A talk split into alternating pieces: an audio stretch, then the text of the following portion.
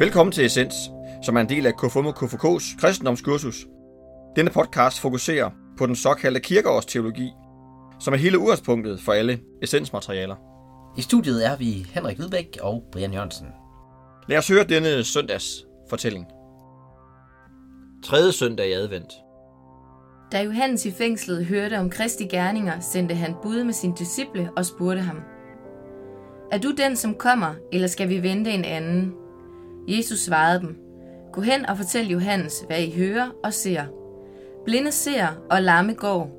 Spedalske bliver rene, og døve hører. Og døde står op, og evangeliet forkyndes for fattige. Og salig er den, der ikke forarves på mig. Da de var gået, begyndte Jesus at tale til folkeskarne om Johannes. Hvad gik I ud i ørkenen for at se? Et siv, der svejer for vinden. Et menneske i fornemme klæder. Se, de, der bærer fornemme klæder, findes i kongeslottene. Nej, hvad gik I ud for at se? En profet. Ja, jeg siger jer, også mere end en profet. Det er om ham, der står skrevet. Se, jeg sender min engel foran dig. Han skal bane din vej for dig.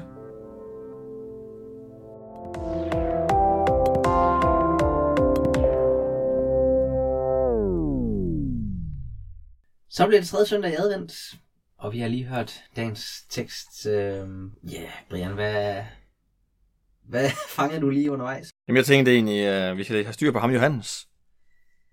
Ja, ja det handler jo om forholdet mellem Johannes døberen Mm-hmm. Mm, Og- Lige præcis. Jesus. Men ja, øhm, ja hvem var Johannes lige? Og øhm, ja, heldigvis så har vi Morten ved vores side, der kan mm.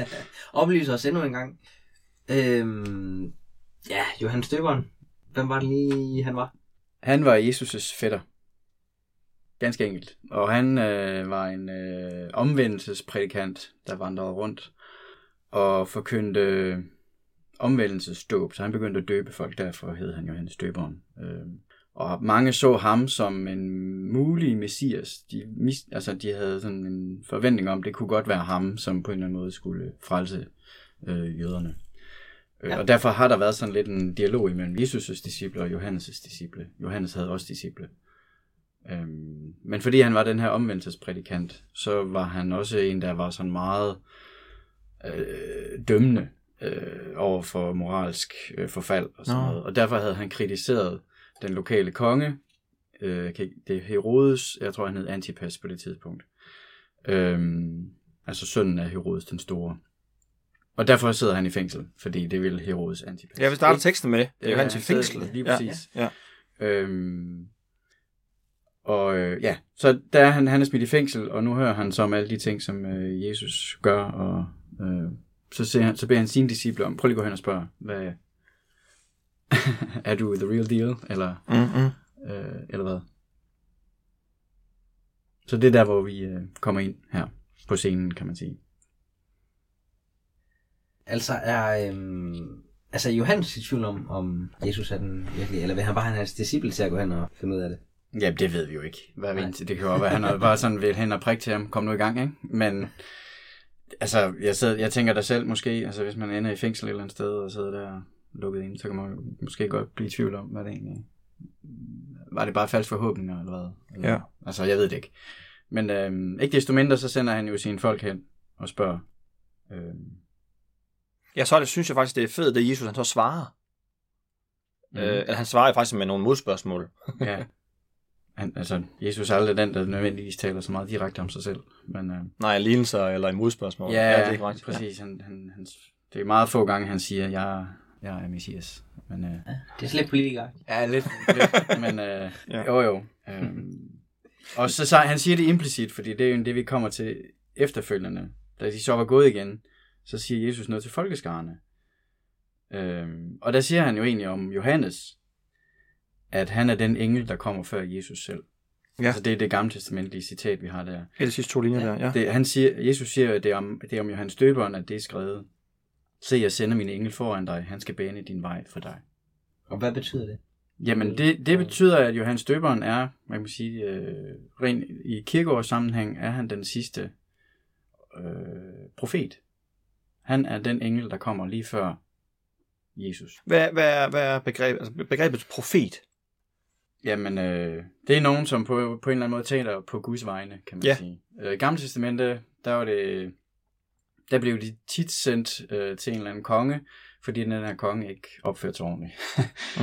øh, der er sådan en ramse, at du skal passe på de øh, enkerne og de fremmede og de faderløse. Mm. Og når så øh, kongerne i, øh, i Israel ikke kunne finde ud af det, så sendte Gud en profet efter dem og Okay. skældte dem ud. Og I skal omvende jer, øh, vende tilbage til Gud og handle retfærdigt. Altså det er sådan meget retfærdighedsfokus. Øhm, og derfor passer det også meget med, at han er den her moralske omvendelsesprædikant, så han er en profet. Men du siger, han er den sidste.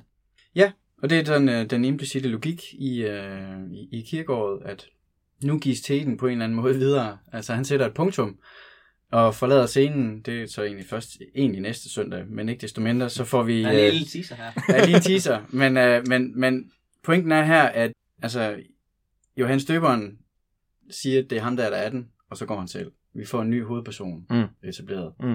Så fra, og det er hele det der med, at den gamle æra slutter, og nu går der noget nyt i gang. Så hele den gamle tid, der er han den sidste repræsentant for det.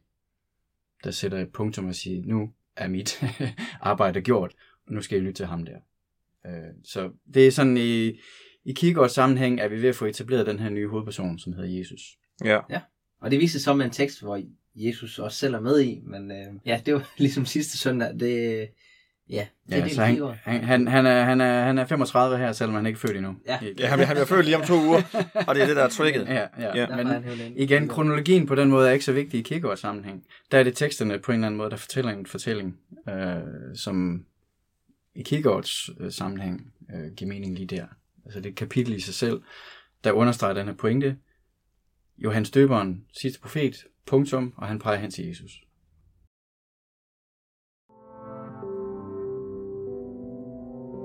Dagens, den tænker jeg lige over. Dagens, den tænker jeg lige over.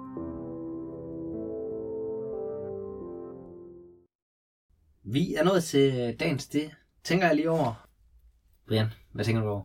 Ja, jeg øhm, har egentlig tænkt øh, Johannes som som ham der, øh, der døbte. Men sådan som jeg lige nu her øh, tænker teksten, så gik han jo egentlig foran og var den her øh, tydelige leder. Og, sådan, øhm, og det er sådan en i, øh, i KMK-sammenhængen, altså den her frivillige, den her leder, som øh, egentlig tør, tør stå frem og sige noget og, øh, og, og, og stå ved det, man, øh, man tror på. Synes jeg egentlig sådan lige var påfaldende. Der er sådan et, eller- et eller andet empowerment, han ligger ligesom op til, der kommer den næste. Øhm, Ja. ja. Godt, det var dagens øh, refleksion. Vi glæder os til, allerede til øh, næste søndag. Tak fordi du lyttede med.